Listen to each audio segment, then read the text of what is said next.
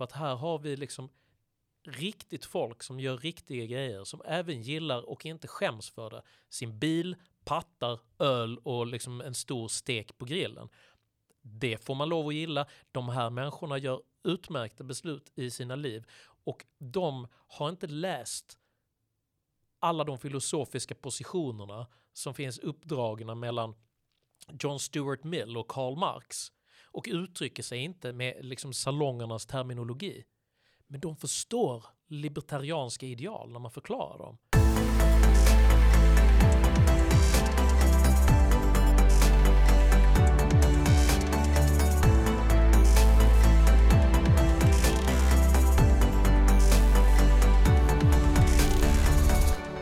Varmt välkomna till Uppskattat, en podcast från Skattebetalarnas förening.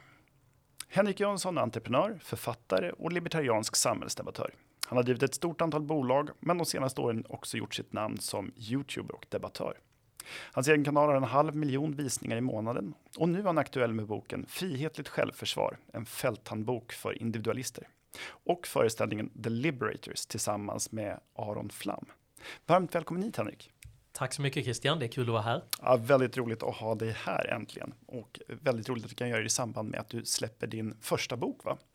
Det är faktiskt min tredje bok, men de, tredje men, bok. men de två första är liksom coffee table böcker som handlar om popmusik. Ah, där ser man. Vad skrev de då? Popmusik? Ja, eh, den första handlar om sommarplågor som eh, kulturellt fenomen som vi har haft eh, roligt oss. Så att det är en bok som handlar om Macarena och den typen av grejer. Så det, Ja. det är en helt annan genre. Det här är en helt annan typ. Det blir väldigt spännande. De ska jag också läsa med stort intresse nu. Det här är min första riktiga bok, Ja. så ser jag det. Ja, kul, kul. Ja, jag vill läsa de andra också. Du är ju självlärd entreprenör och startade ditt första företag redan när du var 16 år. Vad, vad startade du för företag då?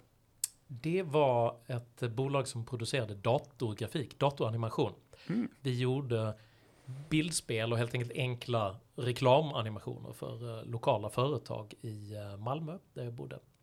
Eh, och sen så utvecklade sig det företaget efterhand så att vi kom upp och det var inte många som gjorde det på den här tiden. Det här, det här var ju 1993, 94 kan det ha Mm.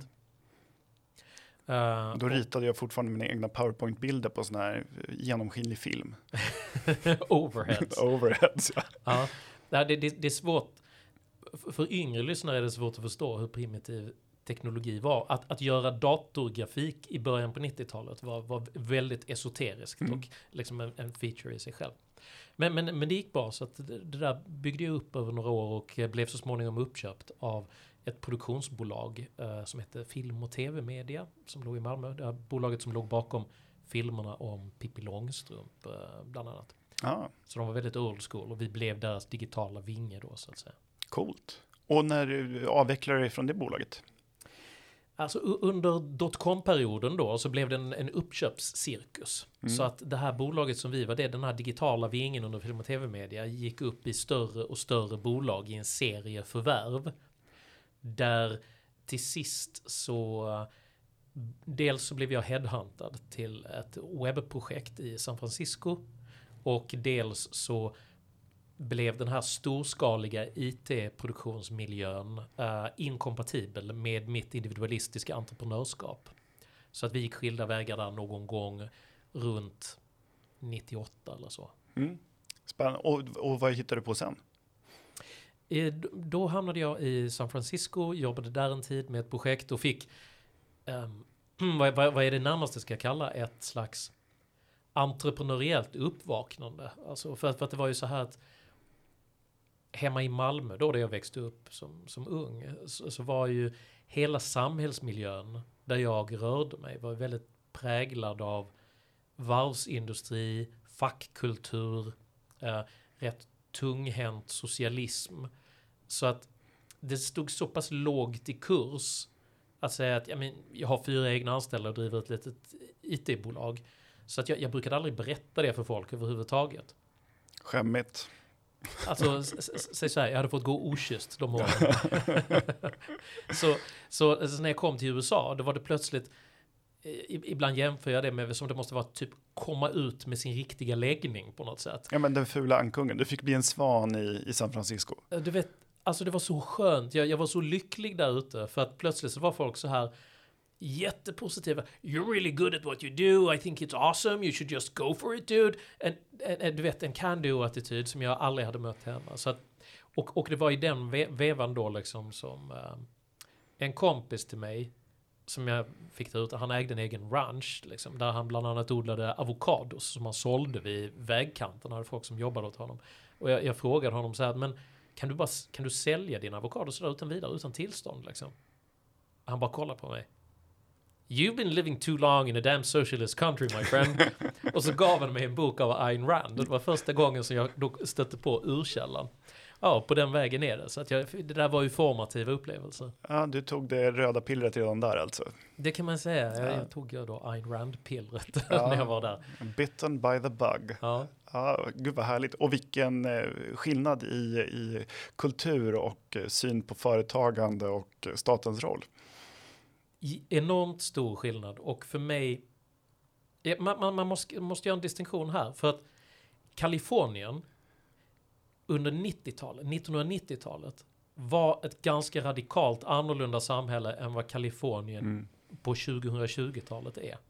Before woke. Det, så skulle man kunna formulera det. Det var väldigt annorlunda. Alltså, det där var mitt i... Dotcom-boomen var en så extremt liksom, frihetlig rörelse, libertarianistisk rörelse, entreprenöriell rörelse.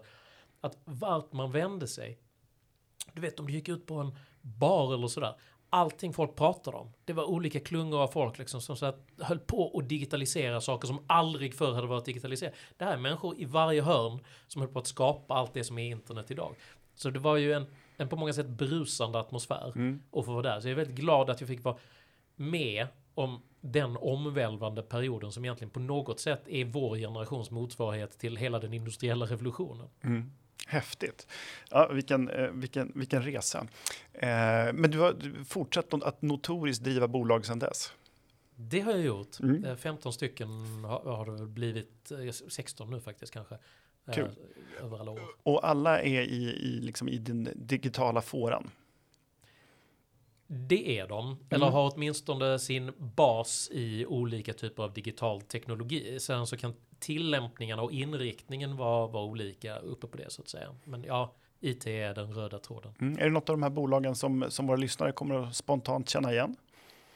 Det skulle i så fall vara eh, ett, för ett, ett, ett varumärke som blev känt under eh, begreppet hungrig.se. Mm. Eh, det var ett bolag som jag grundade ihop med två vänner. Eh, 2012 tror jag det var vi eh, startade det aktiebolaget. Och eh, det byggde vi upp. Det blev en mycket lönsam verksamhet. Vi var tidigt ute på marknaden för det här med eh, eh, hemlevererad mat som man beställer direkt från restaurang. Så att när vi pikade, vi sålde det bolaget till Foodora 2019. De var vår största konkurrent då. Eh, men när vi pikade innan bolaget avyttrades så sålde vi 375 000 portioner mat i månaden Wow. och fanns då på, jag minns inte exakt, men någonstans runt 26 orter i Sverige. Coolt. Ja, det var en stor Ja. resa. Roligt. Eh, spännande. Eh, och hur kommer det sig att jag misstänker att det här företagandet eh, tar en hel del tid och du är dessutom småbarnsfar. Hur fann du tid att engagera dig i samhällsdebatten? Ja, alltså, jag har ju gjort detta. Alltså mitt engagemang i samhällsdebatten började ju egentligen bara av att jag helt enkelt är ideologiskt intresserad av frihetsfrågor. Mm. Sedan jag såg i- som ungdom skillnaden mellan hur det var i Sverige och hur det var i USA. Och jag tyckte det senare är en, är, är en mycket bättre organisation som kommer hela samhället till godo. Eh, Så att de här värdena vill jag gärna verka för. Mm. Sedan så är det ju svårt att göra det samtidigt som du driver bolag. Så att eh, jag, jag, jag brukade kommunicera de här värdena när jag hade tillfälle. Även när jag var som mest involverad i alla mina bolag. Men vad som har hänt på senare år det är att jag har tonat ner min operativa inblandning i eh, de flesta av våra bolag. Utan sitter mest i styrelserna och gör mer övergripande eh, input. Eh, för att jag ska ha tid att eh, engagera mig åt eh, att lägga lejonparten av min tid på att försöka kommunicera värdet av eh, frihetsidealen. Det här, och det gör det ju med eh, väldigt stor framgång, precis som med flera av dina bolag får man ju säga. Eh, som sagt, du har en, en halv miljon visningar på dina YouTube-videos varje månad. Eh, eh Upplever du, det, jag tycker att det är ganska få näringslivspersoner som är ute i den politiska debatten och tar liksom tydlig ställning. Alltså, ganska ofta kan man ju se företag som, som ställer krav på politiker att liksom ordna deras business åt dem, att uh, underlätta för, för just mitt företag. Men väldigt sällan man är ute på och pratar om principiella frågor som du gör. Vad, vad tror du det beror på?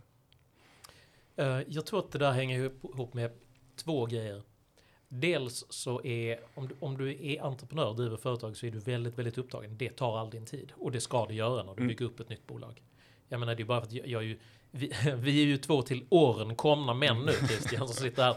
Ouch. Så att jag, jag är ju i den fasen av livet där jag tänker så att det, det är tid för mig nu, medan jag fortfarande har full energi, att ge någonting tillbaks mm. till samhället. Eh, snarare än att liksom tjäna lite pengar till att göra ett bolag till. Just nu så intresserar det här mig mer eftersom det är så många som lyssnar. Och jag tänker att jag har faktiskt någonting angeläget att komma med eftersom jag kommer rakt ur näringslivet och att den, den rösten är lite underrepresenterad.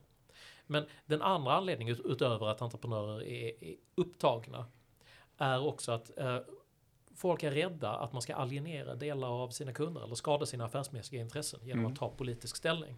Så att de flesta företag som tar politisk ställning gör ju detta i frågor som är opportuna att ta ställning i. Som Ben Jerrys glass, så här, mm. tar ta ställning för olika typer av liksom, dagsaktuella frågor vad det gäller liksom, jämställdhet och sådär. Som är andefattigt men det är väldigt, det är väldigt brett. Liksom. Uh, och problemet med det, det, det är ju då att de, eftersom det där är lätt så är det många företag som, som kanske gör de här typen av rätt innehållslösa ställningstaganden som bara är en form av symboler egentligen. Medan verkliga politiska frågor som faktiskt konkret påverkar det produktiva näringslivets slagkraft och eh, innovationsförmåga. De förblir i tystnad. Jag menar, så, så, så vitt jag vet i Sverige så är det egentligen bara jag, Dan Olofsson och Rune Andersson som, som är aktiva i, i debatten på allvar. Mm. Och, och de andra två är, uh, vad ska man säga, de, de, är en generation över dig och mig. Ja, hemska tanke. det, jag upplever också att den här typen av, eh, som brukar kallas för woke capitalism, som du hade ett samtal med, som var väldigt intressant förra året och som också finns på, på din YouTube-kanal med Alexander Bard, eh, där ni beskriver hur Eh, eller när ni diskuterar hur just den här typen av eh, vad heter det, vad heter det, själv, self-righteous, vad heter det, självförhärligande mm. och just den här opportuna ställningstaganden i eh, frågor som kan röra populära ämnen som klimatet eller jämställdheten och sånt där, hur det där blir liksom en marknadsföringsgrej, men också tar över hela organisationen och att, att man börjar styra, företagen styr mot mål som inte handlar om att ge aktieägarna och kunderna ett värde utan istället berätta för dem hur de ska leva sina liv. Ja, alltså det här är ju faktiskt en, en jätteviktig diskussion och den är tekniskt lite komplicerad. Om det är folk som lyssnar nu som inte driver eget bolag så det, det kräver att man har lite grundförståelse för alltså anledningen till att aktiebolag och företag har varit ett så formidabelt redskap för att accelerera eh, välståndsökningen i, eh, i världen är på grund av att principen är att det är en form av demokratiskt organiserad struktur för att kanalisera egenintresset. Och det, det, detta innebär att, att, att, att ett företag är ju riktat mot att leverera i en konkurrensutsatt marknad optimal produkt. Antingen genom nisch eller prissättning eller kvalitet eller någonting annat i en segmentering som då automatiskt uppstår. Eh, och om man är ideologiskt orienterad, säg att du är, du är utilitarist eller du kommer från ett perspektiv där du vill premiera all, ett altruistiskt för, förhållandesätt. Då kan du betrakta de här effektiva organisationerna som moraliskt i behov av korrigering. Mm. För så att ni agerar efter egenintresse. Men man missar det som Adam Smith egentligen beskrev i sin, i, i sin bok om den osynliga handeln. Det vill säga att om du har en stor marknad med en mängd aktörer som utifrån egenintresse fritt agerar så, så, så kommer detta egenintresse att fordra att du utför ett meningsfullt och behövt uppdrag någonstans i samhället. Så att det är, det är självorganiserande. Och om du då kliver in och säger att nej, vi ska styra de här organisationerna på olika sätt efter moraliska ideal. Det vill säga om du får dem att divergera från principen att agera utifrån egenintresset, då perverterar du också organisationen. Och, och här, här, kommer hela den här ideologiseringen av näringslivet då in och varför den är problematisk. Um, jag, jag, läste i Harvard Business Review, Review uh, uh, en, en kille där som heter uh, Aron Shatari, om jag inte missminner mig. Jag får återkomma med korrekt namn. Ehm, som, som hade intervjuat olika amerikanska CEOs, varav många nu uttryckte att vi har ett högre syfte än att bara tjäna pengar till våra aktieägare. Vi har också ett socialt och moraliskt ansvar. Nu, det där är ju liksom teser som, som för en naiv altruistisk eh, observatör kan verka mycket, mycket bra. Men problemet är att i samma stund som organisationen går från sitt primära syfte, nämligen att skapa värde, till att istället sträva efter social rättvisa, då förlorar man också den neutrala effektiviteten som handlar om att vi kommer bara jobba med de effektivaste och mest kompetenta människorna för att nå våra mål och börjar plötsligt väga in då till exempel kanske identitetspolitiska tankefigurer som, som säger att ja, vi, vår gamla process var att vi rekryterade utifrån performance, men nu måste vi väga in har vi tillräckligt bra könsmix mm. och har vi tillräckligt många från olika raser och sådär. Och implicit i den här behjärtansvärda altruismen så finns det ju då också en, en, en form av förtryck, en form av sovring, där man, där man helt enkelt ersätter kompetens med olika typer av andra ideal för att man önskar en viss demografisk sammansättning. Och detta är kontraproduktivt och leder ytterst till att man förlorar det värdeskapande telos, eller målsättningen för organisationen. Plus att det slutar med att du kommer att mäta skallar. du tänker på Sveriges Radios upprop från förra året? Nej, men alltså det, det slutar ju där. Om, om, om hela poängen med Martin Luther King var att vi skulle se bortom liksom, hudfärg och, eh, och bedöma människors karaktär och moral, inte, liksom, inte not the color of their skin. Mm. Eh, och det, där, det är farligt i sig tror jag. Men risken är ju också att, att företag börjar ägna sig åt någonting som som alltså inte ägnar sig åt det som är deras huvudsakliga uppgift, att förse sina kunder med varor och tjänster som de vill ha och därmed generera ett värde för sina ägare.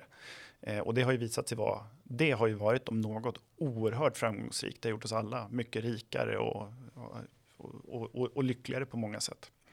Eh, men, men, man får väl gissa också att de här eh, vet det, vdarna som intervjuades i Harvard Business Review inte var entreprenörer själva utan tjänstemanna vd får man väl gissa.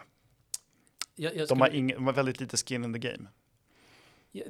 Faktum är att en, en, en sån här makrotrend som jag håller på att titta på nu, det, det är ju egentligen, Peter Thiel hade ett jätteintressant, eh, alltså en av Paypal-grupperna, mm. han hade en intressant tes om det här för ett par år sedan. Om att um, i, i Amerika så, så, finns det en slags brytpunkt någon gång i början på 1970-talet. När vi gick över från en huvudsakligen owner-operated yeah. um, näringslivsstruktur till en institutionellt ägd typ yeah. av verksamhet. Eh, men om man tar Blackrock till exempel som är så här stort investmentbolag som är så stort att det delvis faktiskt har vuxit ihop med den amerikanska staten. De äger 40% av alla andelar i eh, bolagen på Fortune 500-listan.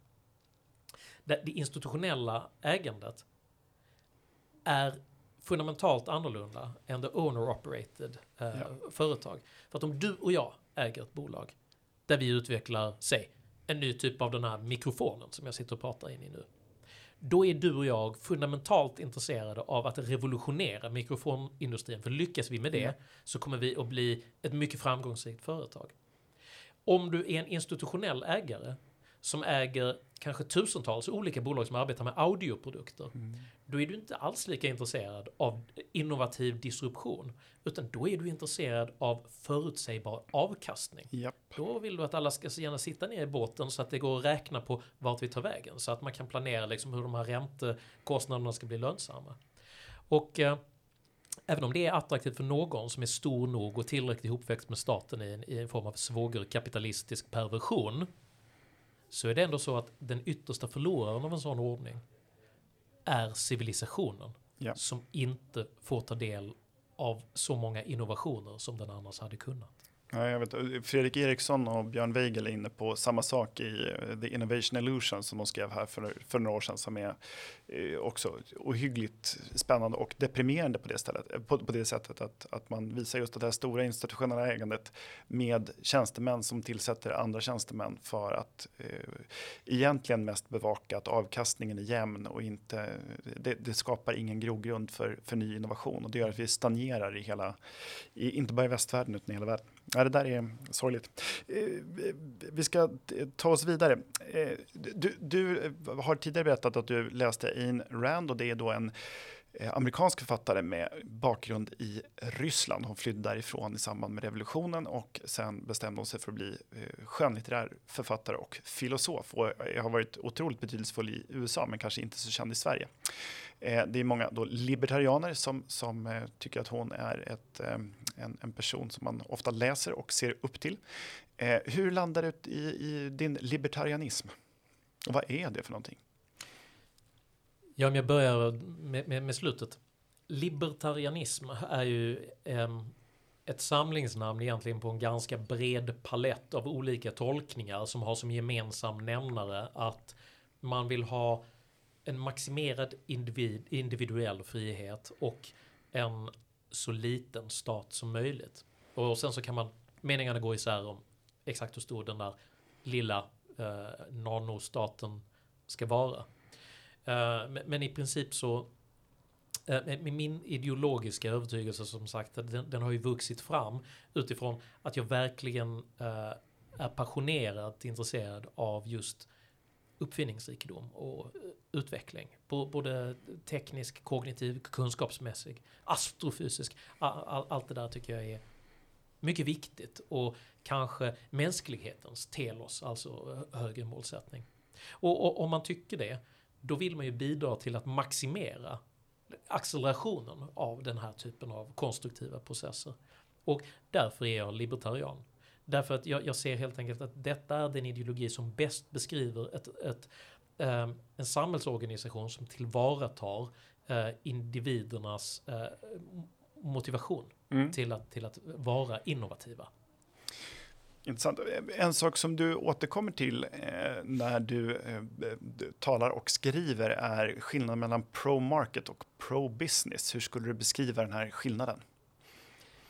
Det är en jätteviktig fråga som väldigt många missar. Och för att förklara det lätt så skulle jag säga att någon som är pro-business kan, oavsett hur, hur behjärtansvärd eh, ansatsen än är, hänger upp sig på det som redan finns nu. Det vill säga man säger att vi ska stötta de företag som vi har idag. Vi ska hjälpa företag som finns nu. Vi ska hindra företag som existerar från att gå i konkurs genom olika typer av eh, subsidier och stöd och andra grejer. Detta kväver också innovationsbenägenheten. Det finns en e- e-, e- ekonom som heter Josef Schumpeter som har en mycket vacker metaforik där som, eh, när han kallar eh, den kreativa förstörelsen. Den kreativa förstörelsen som Schumpeter pratar om handlar om att alla företag blir förr eller senare obsoleta och då måste de, precis som ett träd som, som, som till sist blir för gammalt och faller i skogen och så ruttnar det och blir till mull, men näringsämnena frigörs så att nya träd kan växa upp. Precis så är det med företag också. De ska inte leva för alltid. Och de enskilda företagen är inte heller intrinsikalt betydelsefulla. Utan det som är betydelsefullt, det är det som du nämnde som pro-market. Det vill säga, vi vill att hela, så att säga, för att använda min metaforik, att hela skogens äh, välstånd är det vi bryr oss om. Inte de enskilda träden som ska skyddas och stagas upp, utan att skogen som helhet är livskraftig, frodig, vildvuxen och att det kommer nya sorters växter hela tiden som anpassar sig efter de ekologiska förändringarna och annat. Så att det är väldigt frestande för politiker och olika schatteringar av etatister att bli pro-business och säga att vi, vi ska rädda Saab. Därför att då kan man framstå som både en hjälte som räddar arbetstillfällen och som en person som vi gillar företag. Uh, och dessutom så blir du förstås populär hos de här företagsledarna som, som, som får olika typer av fördelar. Men egentligen så skadar den attityden hela den civilisatoriska utvecklingen. Därför att man ska inte hjälpa företag som är på väg att fasas ut och bli till näringsrik mylla. Utan man ska ha ett pro-market perspektiv i min mening. Det vill säga att försöka agera utifrån vad som bäst gagnar möjligheterna för så mycket nytänkande som möjligt. Och med risk för att ställa en ledande fråga, eh, ty, tycker du att, de, att Sveriges politiker ibland inte förstår skillnaden mellan pro-market och pro-business? Det är ju en svår fråga att kommunicera både till politiker och väljare. Men, men jag har väl en uppfattning om att generellt så, så, skulle jag vilja att man höjde medvetenheten om den här skillnaden. Därför att det, det är som att i, ibland så är det som att jag tycker jag möter föreställningen att ja men jag är borgerlig, då älskar jag ju företag. Så då ska jag alltså hjälpa företag att överleva. Nej, det är inte så. Om du är borgerlig, om du är frihetlig borgerlig, då ska du hjälpa marknaden att frodas. Då ska du arbeta för att avreglera, för att sänka skatterna, för att öka konkurrensmöjligheterna, för att öka innovationsbenägenheten. Det är ingen som bryr sig om om du räddar ett, om, om hundra år bryr sig ingen om att du räddade ett mobilskalstillverkarföretag idag. Det är helt betydelselöst. Det är betydelselöst. Det, eh, så att det, det, är friheten som man bör ta fasta på och ha som rättesnöre alltid i de här frågorna. Och är man osäker på vad som är rimligt som politiker eller som eh, tjänsteman eller även opinionsbildare. Då kan man börja med att ställa, ställa sig frågan, ökar eller minskar det här beslutet friheten för alla individer som det berör? Och det ökar inte friheten att du använder skattemedel för att upprätthålla ett företag som håller på att gå i konkurs. Det ökar inte friheten att du uppfinner olika typer av stöd för att hålla en massa olönsamma tidningar vid liv. Tvärtom så hindrar det ny innovation för att äga rum i branscher som får de här pengarna. Just det. Det, det där är ju eh, en, en tes vi har drivit också ganska hårt. Det är inte bara att du slösar bort pengarna på affärsverksamhet som ändå skulle ha gått, som ändå kommer att gå i graven den dag då, då stöden upphör. Du hindrar ju just att de som arbetar på de här sämre företagen får ett jobb på ett produktivt företag som kan göra större nytta. Precis. Så det är ett slöseri i båda ändar. Vi visar i en rapport eh, som, som Christian Sandström och eh, som också varit intervjuad här i podden och, och Jan Jörnmark, de skrev en rapport om statligt riskkapital och det visar sig att vi blåser 40 miljarder på det varje år, långt mer än, än på polisen lägger vi alltså på att stödja dåliga företag. Eh, eller dåliga företag, men företag som antingen borde gå omkull eller borde klara sig själva. Det är, det är ganska sorgligt. Det är det. Eh, du pratar ju om det här ämnet med stor passion eh, och som sagt i, i din kanal eh, som, som når många tittare. Vad tror du är liksom framgången bakom, vad är ditt framgångskoncept? Jag, jag, tror att det är tre huvudfaktorer. Och det ena det är att jag varit ihärdig så att jag har hållit på länge. Och jag, jag publicerar ju en video varje vecka och jag har gjort det i fyra år. Mm. Uh, du har haft mycket prominenta gäster, undertecknad till exempel. Ja. Och det var en fantastisk dag när vi satt där i, i, i mina soffor. Det var alldeles, alldeles i början. Ja, det var väldigt roligt. Ja, det var mycket trevligt. Um, det, det andra är att jag försöker på ett direkt och eh, lättbegripligt sätt förklara frihetsfilosofiska frågeställningar utifrån olika typer av dagsaktuella händelser.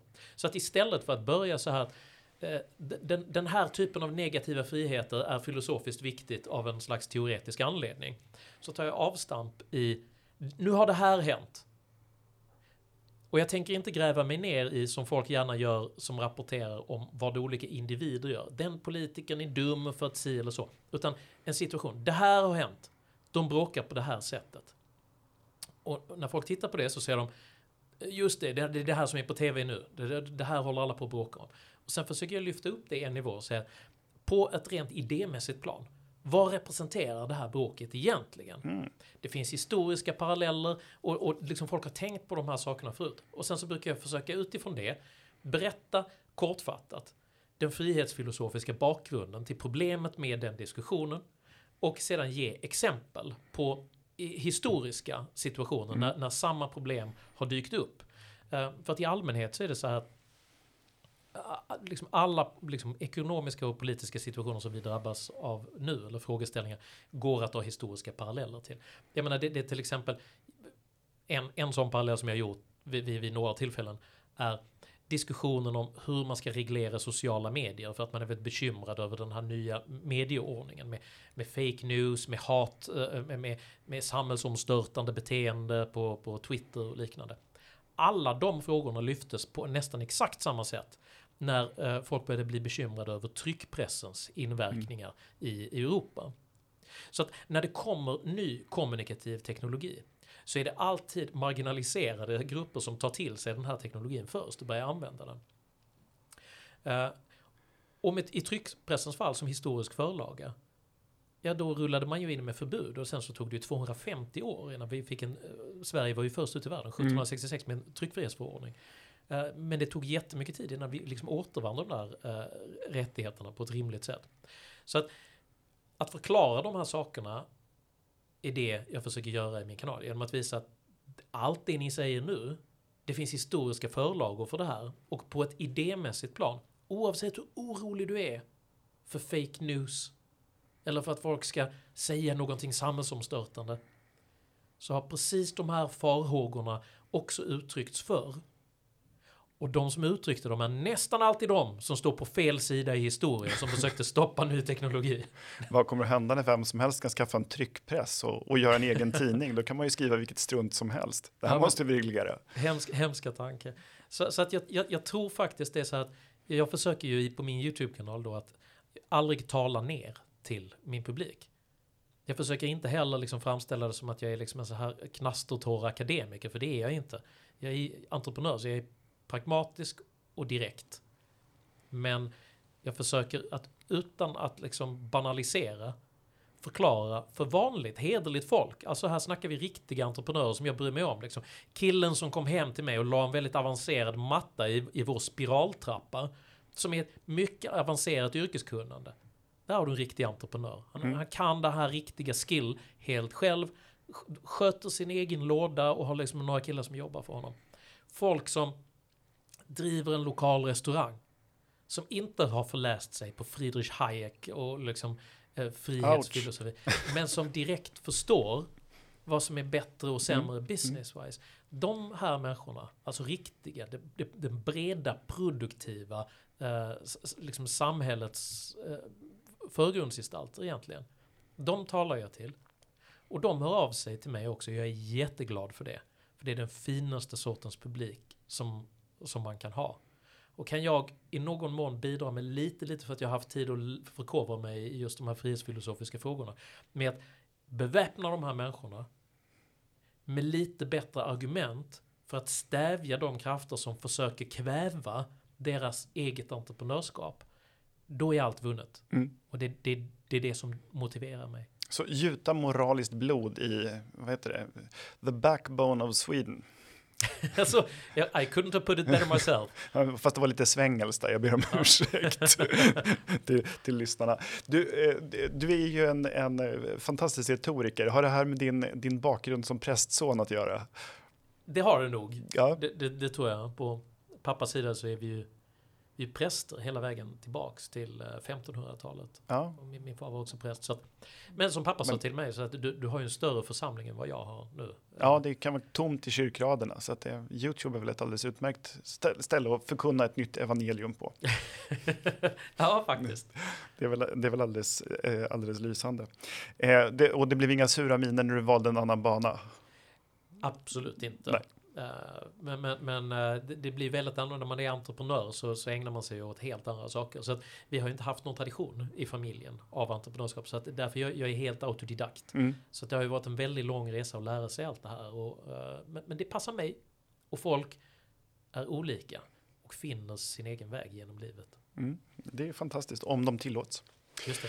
Eh, så är det. Eh, du, du, har ju nu slagit ihop med eh, Aron Flam som är ståuppkomiker och också en eh, debattör som också driver en, en eh, framstående podcast framför allt. Han har, en, har väl en del YouTube-klipp eh, också ute. Eh, men ni eh, är ute på vägarna under namnet The Liberators. Berätta, varför detta namn? ja, men det är ju för att vi, vi är båda två libertarianer. Och eh, det, det, finns ju bara en handfull libertarianer mm. det, det är de två i Sverige. Alltså det är det som vi vid något tillfälle vi var på något no party tillsammans. Eh, det var någon som frågade så här. Men hur, hur träffades ni eller hur hittade ni varandra liksom, som, som två libertarianer? Var på Aron sa.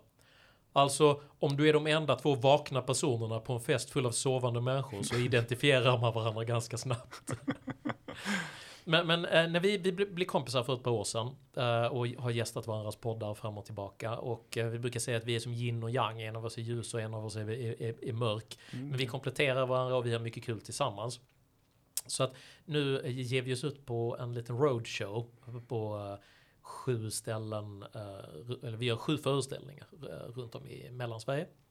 Um, och där kommer vi att göra varsin frihetsmonolog som är baserad på dels våra böcker som vi har skrivit, men, men också liksom övergripande de frågorna som vi tycker är mest angelägna för att försvara friheten på ett individuellt och gemensamt plan. Uh, och sen efter det så har vi frågestund där vi, vi, vi kommer att ta publikens frågor och sedan sitta och försöka välja ut de bästa för att vrida och vända på de här grejerna och förhoppningsvis även dricka lite eh, champagne och eh, ha lite kul eh, samtidigt. Det, här, det låter helt vansinnigt, för ni går för utsålda hus på sju, sju platser i landet med att ha varsin frihetsmonolog och prata om frihetsfrågor. Det är ganska fantastiskt. Alltså, eh, eh, ser man en spirande folkrörelse här?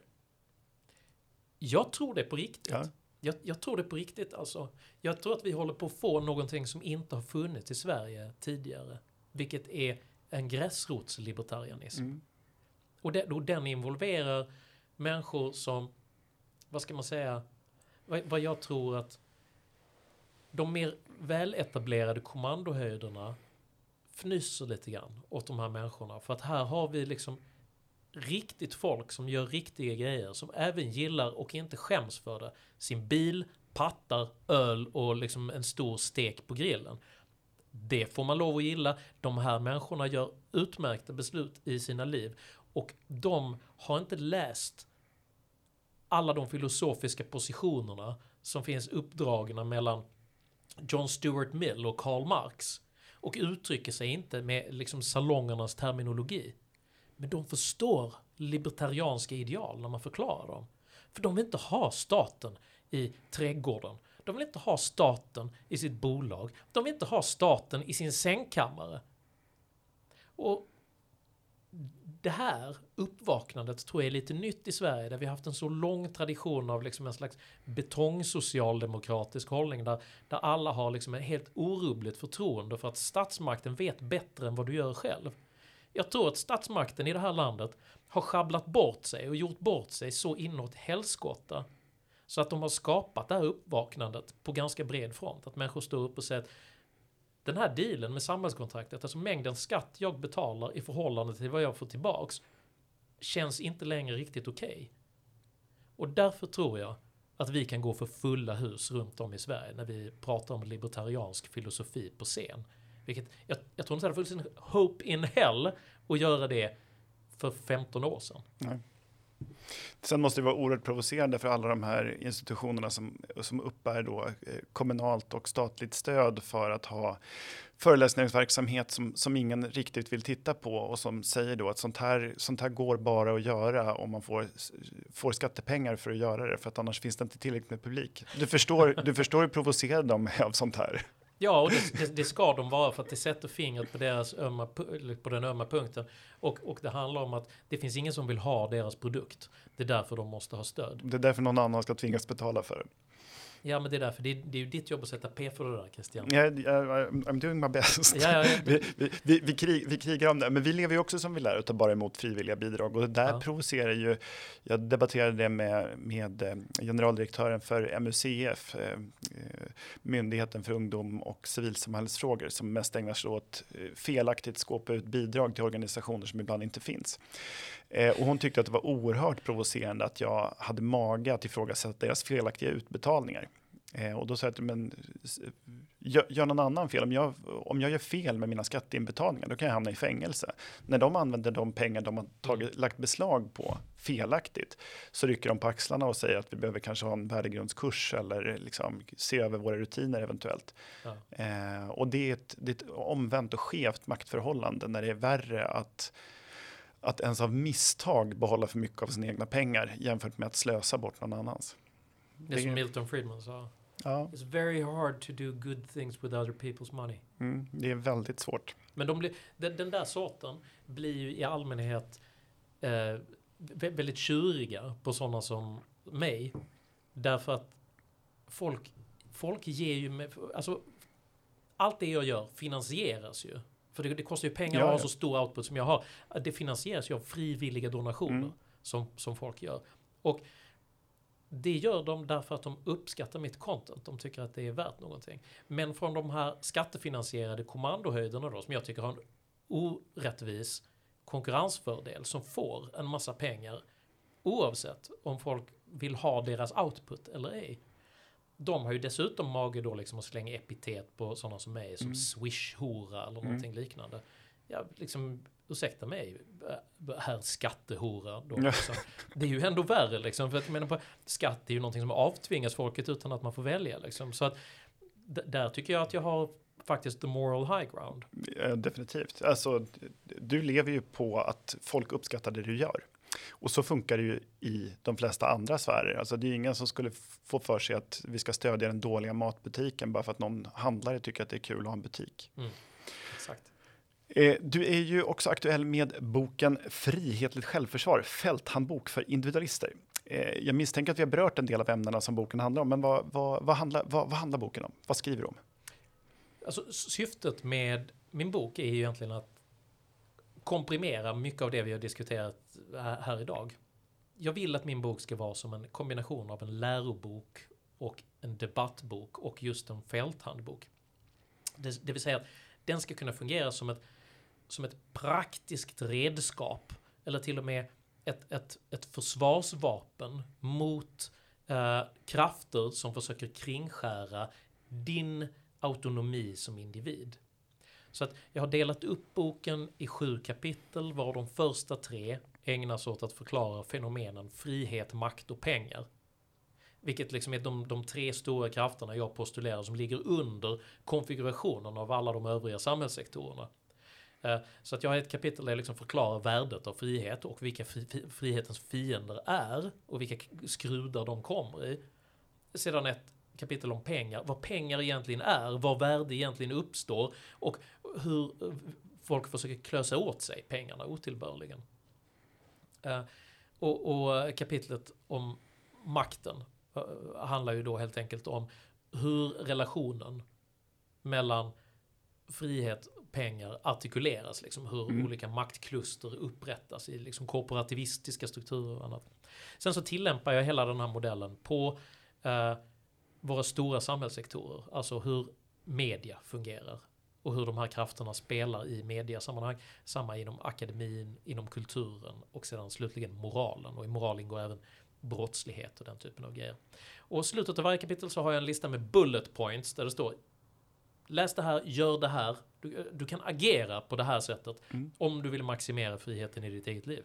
Så att om man inte orkar läsa hela boken så kan du läsa bullet pointsen i alla fall. Och ändå få en, en, en ganska bra actionable list Mm. eh, av grejer du kan göra. Ja, men du, och du är ganska uppfordrande tycker jag. Ja, Och det är någonting jag uppskattar. Alltså du ställer krav på dina läsare. Det är inte, det, det är ingen, det är inget, det är synd om dig, du har rätt till något, utan eh, kamma dig, skärp dig, gör en eh, rejäl insats och var hövlig och trevlig mot folk. Ja, ab- absolut. Ja, Det är, jag är ju väldigt noggrann med det alltid i mina Mm. eh, YouTube-filmer och sådär också. Att jag, jag, kräver av mina följare och uppmuntrar dem till att alltid vara artiga om de ska delta i diskussionen. För, att, för, för min del som individualist så tror jag att dels att det är mest effektivt och sedan så hör det till det gentlemannaideal som mm. jag vill företräda. Mm. Jag vill vinna i diskussioner och liksom olika sammanhang. Inte genom att vara våldsam, burdus eller vulgär. Utan genom att jag har de bästa argumenten. Mm. Och det uppmuntrar jag uh, alla till. Liksom. Och läser man min bok så får man åtminstone en handfull ganska, ganska bra argument. Eh, du, du, beskriver dig som libertarian, tycker att man ska, finns någon gräns där människan ska, där staten ändå ska sätta P? Finns det några aktiviteter som vi inte bör få ägna oss åt? Eller hur, hur, hur långt sträcker sig friheten för individer? Alltså den, den eh, liksom version av libertarianism som, som jag själv liksom bekänner mig till beskrivs väl i närmast av um, filosofen Robert Nozick i, i hans bok uh, Anarki, stat och utopi. Där jag tycker ju att jag är inte anarkist. Jag tycker att det ska finnas en stat som huvudsakligen då ska vara ägnad uh, till ett yttre och inre försvar och att upprätthålla rättssamhället. Sedan utöver det så är egentligen allting up for debate i mm. min bok. Uh, men samtidigt så är det så att då tycker folk att du, du är en mycket farlig radikal. Så, nej, men det vi diskuterar nu är frihetsfilosofi. Diskuterar, det här är inte realpolitiskt. Det är inte som att rösta på Henrik så kommer han att liksom, utplåna sjukvården. Det här är ett ideologiskt rättesnöre som, som, som hjälper mig att se på enskilda sakfrågor av de här besluten möjligheterna som finns nu, vilket är minst dåligt. Mm. Någonting att navigera efter snarare än eh, att omstöpa samhället efter imorgon. Jag, jag tror inte heller på liksom radikala åtgärder, alltså revolutioner är, blir sällan bra. Mm. Uh, vill man göra stor skillnad så tror jag att det bästa man kan göra är att vara disruptiv innovatör som uh, entreprenör. Mm. För att skapar du, det, det där du hela tiden har skapat. Politiken är reaktiv i jämförelse jag menar politiker kan stå och prata om att vi ska skapa 100 000 nya arbetstillfällen. Jo, jo, men var får ni pengarna för att betala för alla de här arbetstillfällena? De kommer ju ur det produktiva näringslivet ändå. Politiker kan inte göra någonting. Det är inte politiker som uppfann eh, liksom den, den eh, moderna bilen, T-Forden, det var Henry Ford som uppfann den. Det, det, är inte politiker som, som står för eh, de sociala medierna beslutades inte liksom att efter någon hade haft en ABF-kurs.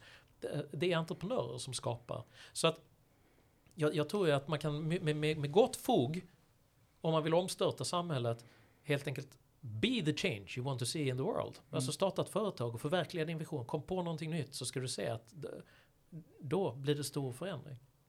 Nej, för det är ju ett, ett, perspektiv du ofta ger uttryck för att staten eller politiker kan inte skapa värde. De kan möjligen eh, liksom för, omfördela det eller lägga beslag på det, men politiker kan inte själva skapa värde. Nej, exakt så. Eh, vilka ser du som de största hoten mot friheten, vår frihet idag när du har skrivit, när du har skrivit din bok? Vad, är, vad, vad ser du som, som hotande för oss som, som individer och eh, entreprenörer?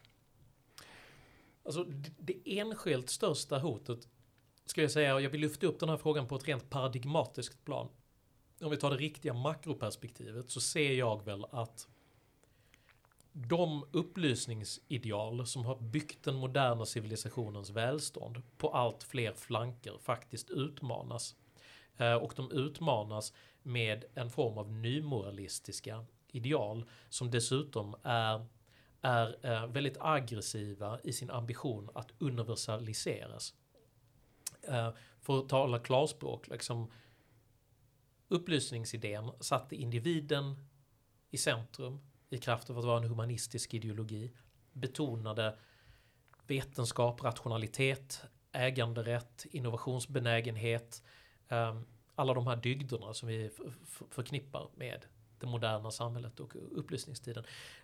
De, de krafter som under de senaste kanske 20-25 åren har flyttat fram sina positioner äh, agerar utifrån en moralisk premiss som sätter betydelsen av individens identitet och olika typer av maktpolitiskt uppställda tolkningar av eh, maktrelationer och jämlikhet före individens frihet. Det vill säga, man på kollektivistisk grund vill man definiera olika delar av samhället, tillskriva dem olika typer av roller och status och sedan på politisk grund reglera för att kompensera och flytta runt människor i det här systemet. Och det är en ganska auktoritär rörelse. Den, den, den löper ibland under paraplybenämningen just wokeism, även om det är en glosa som vänstern inte är speciellt förtjust i, så tror jag att det är ett begrepp som de flesta förstår. För det här, det här är en rätt så heterogen, spretig rörelse. Men denna tendens finns liksom över hela spektrat just nu i hela det västerländska samhället. Inte minst i USA. Eh, men, men jag skulle säga att det är det enskilt största hotet. För att det här har sipprat in, inte bara i hela akademin och präglar liksom hur människor utbildas nu för tiden.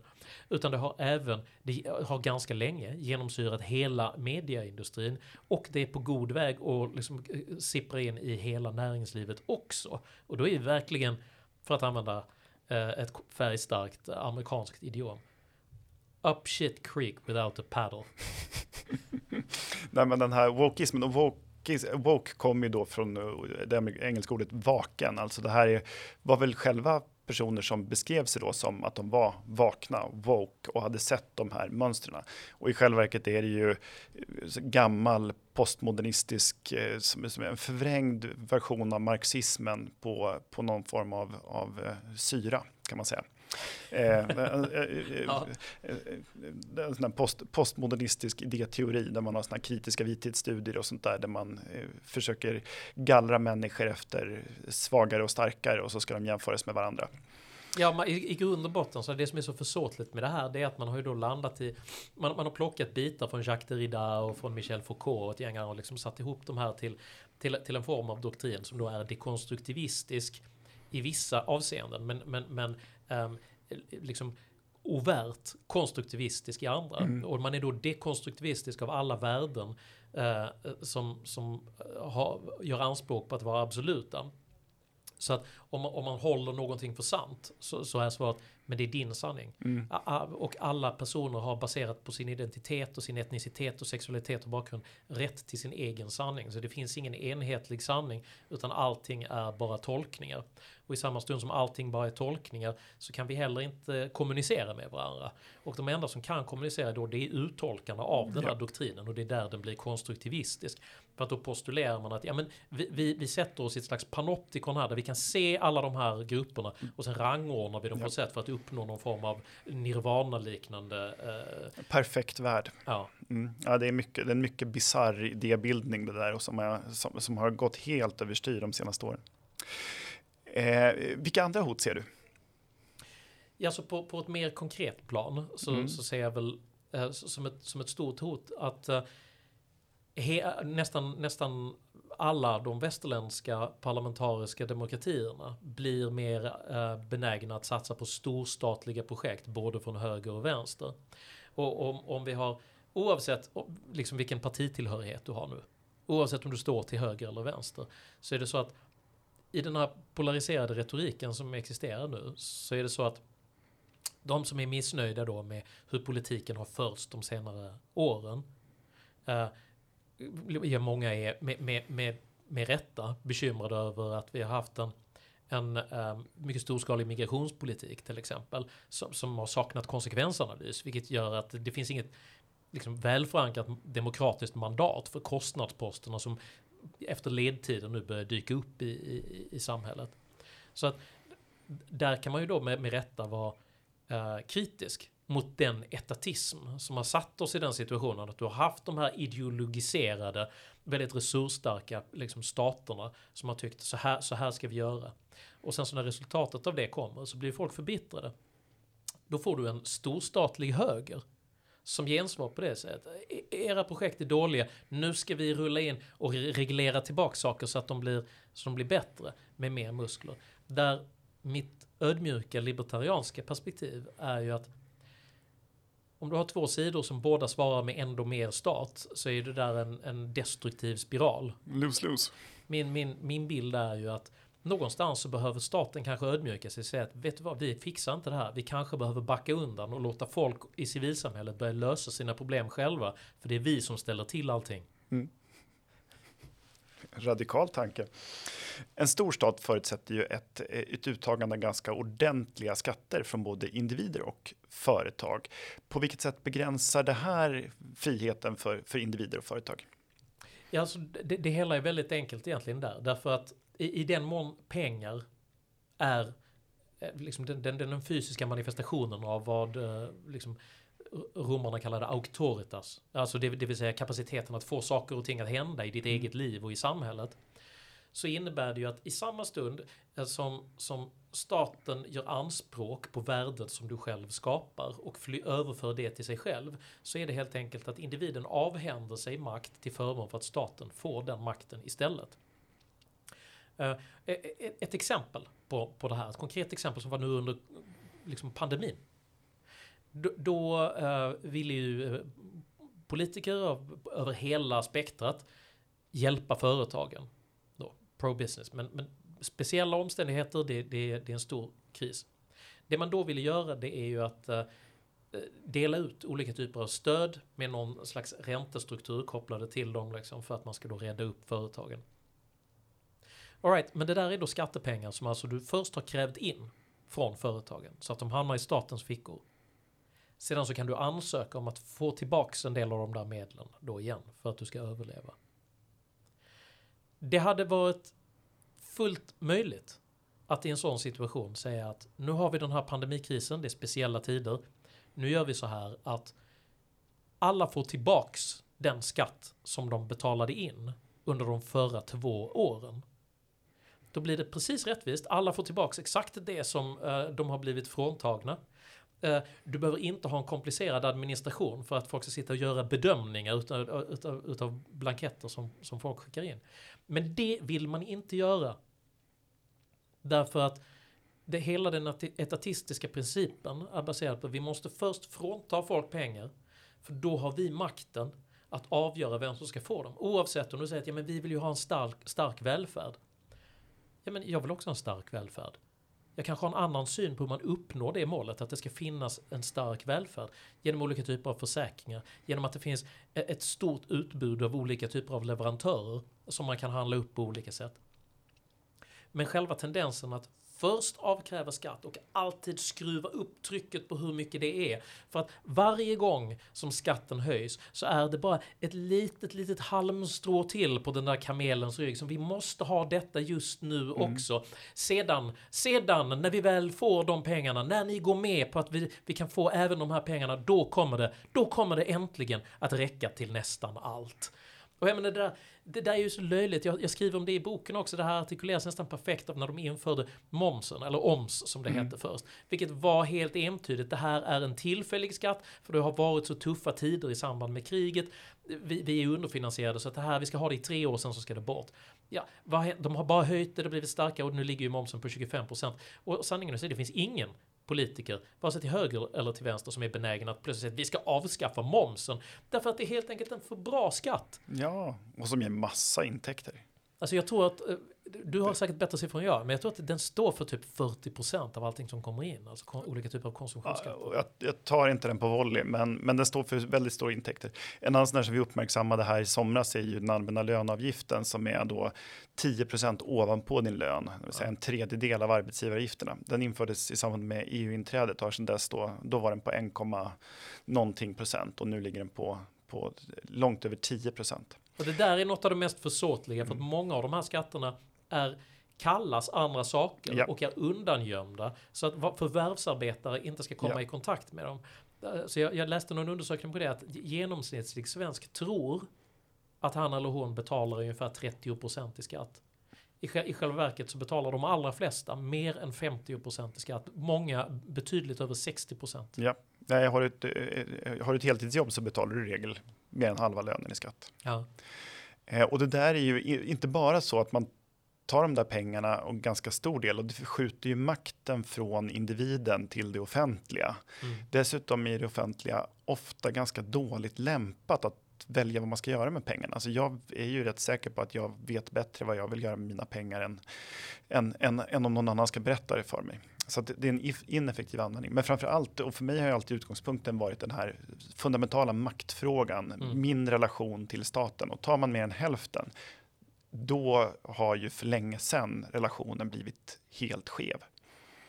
Ja, det, ja, men, det, här rullar ju alltid vänstern in med en motargumentation då som, för att man tenderar att alltid använda de, de svagaste och de mest mm. utsatta som, som hävstång för att legitimera vilka typer av frihetsinskränkande policy som helst. Som sagt, att, ja, men det är lätt för er liksom framgångsrika mm. medelålders män som, som sitter där liksom och är missnöjda med att ni betalar, betalar skatt. Uh, samtidigt så är det så här att ja, men, eh, eh, motbilden som jag vill ge för det hur mycket bättre har det blivit för de svagaste i det här etatistiskt styrda skattesamhället? För att vi har, sist jag tittade så tror jag att vi ligger på fjärde eller femte plats, lite beroende på hur man räknar i Sverige, i, i termer av högst skatt i världen. Eh, och jag menar, hur ser det svenska samhället ut? Alltså, tycker du att det är bra utveckling? Har det blivit bättre för att skatterna har i det närmaste fördubblats sedan 1960-talet? Har det blivit dubbelt så bra sedan 1960-talet generellt i det svenska samhället? Ja, ja, det har blivit mer än dubbelt så bra, men det har ingenting med skattenivån att göra utan teknikutvecklingen och, och, ja, ja, och nej, jag menar utvecklingen per skattekrona. Nej, per, per skattekrona är, är, är läget nog nästan i, i, i invers. Eh, och sen är det ju ett skäl till det är ju att en stor del av bidragen eller en stor del av skattepengarna går till att betala bidrag till samma personer som har betalat in dem. Alltså man betalar höga skatter och sen får man tillbaka lite när man är sjuk eller när man är eh, då oftare då föräldraledig eller sånt där. Och det är sånt som man med en buffert kanske skulle klara själv. Ja. Du Henrik, är det någonting ytterligare du vill nämna om boken? Tiden går fort när man har roligt och vi ska snart börja runda av det här samtalet. Är det någonting jag har glömt att fråga? Är det någonting särskilt du vill att våra läsare ska tänka på när de väl har beställt din, din nya bok?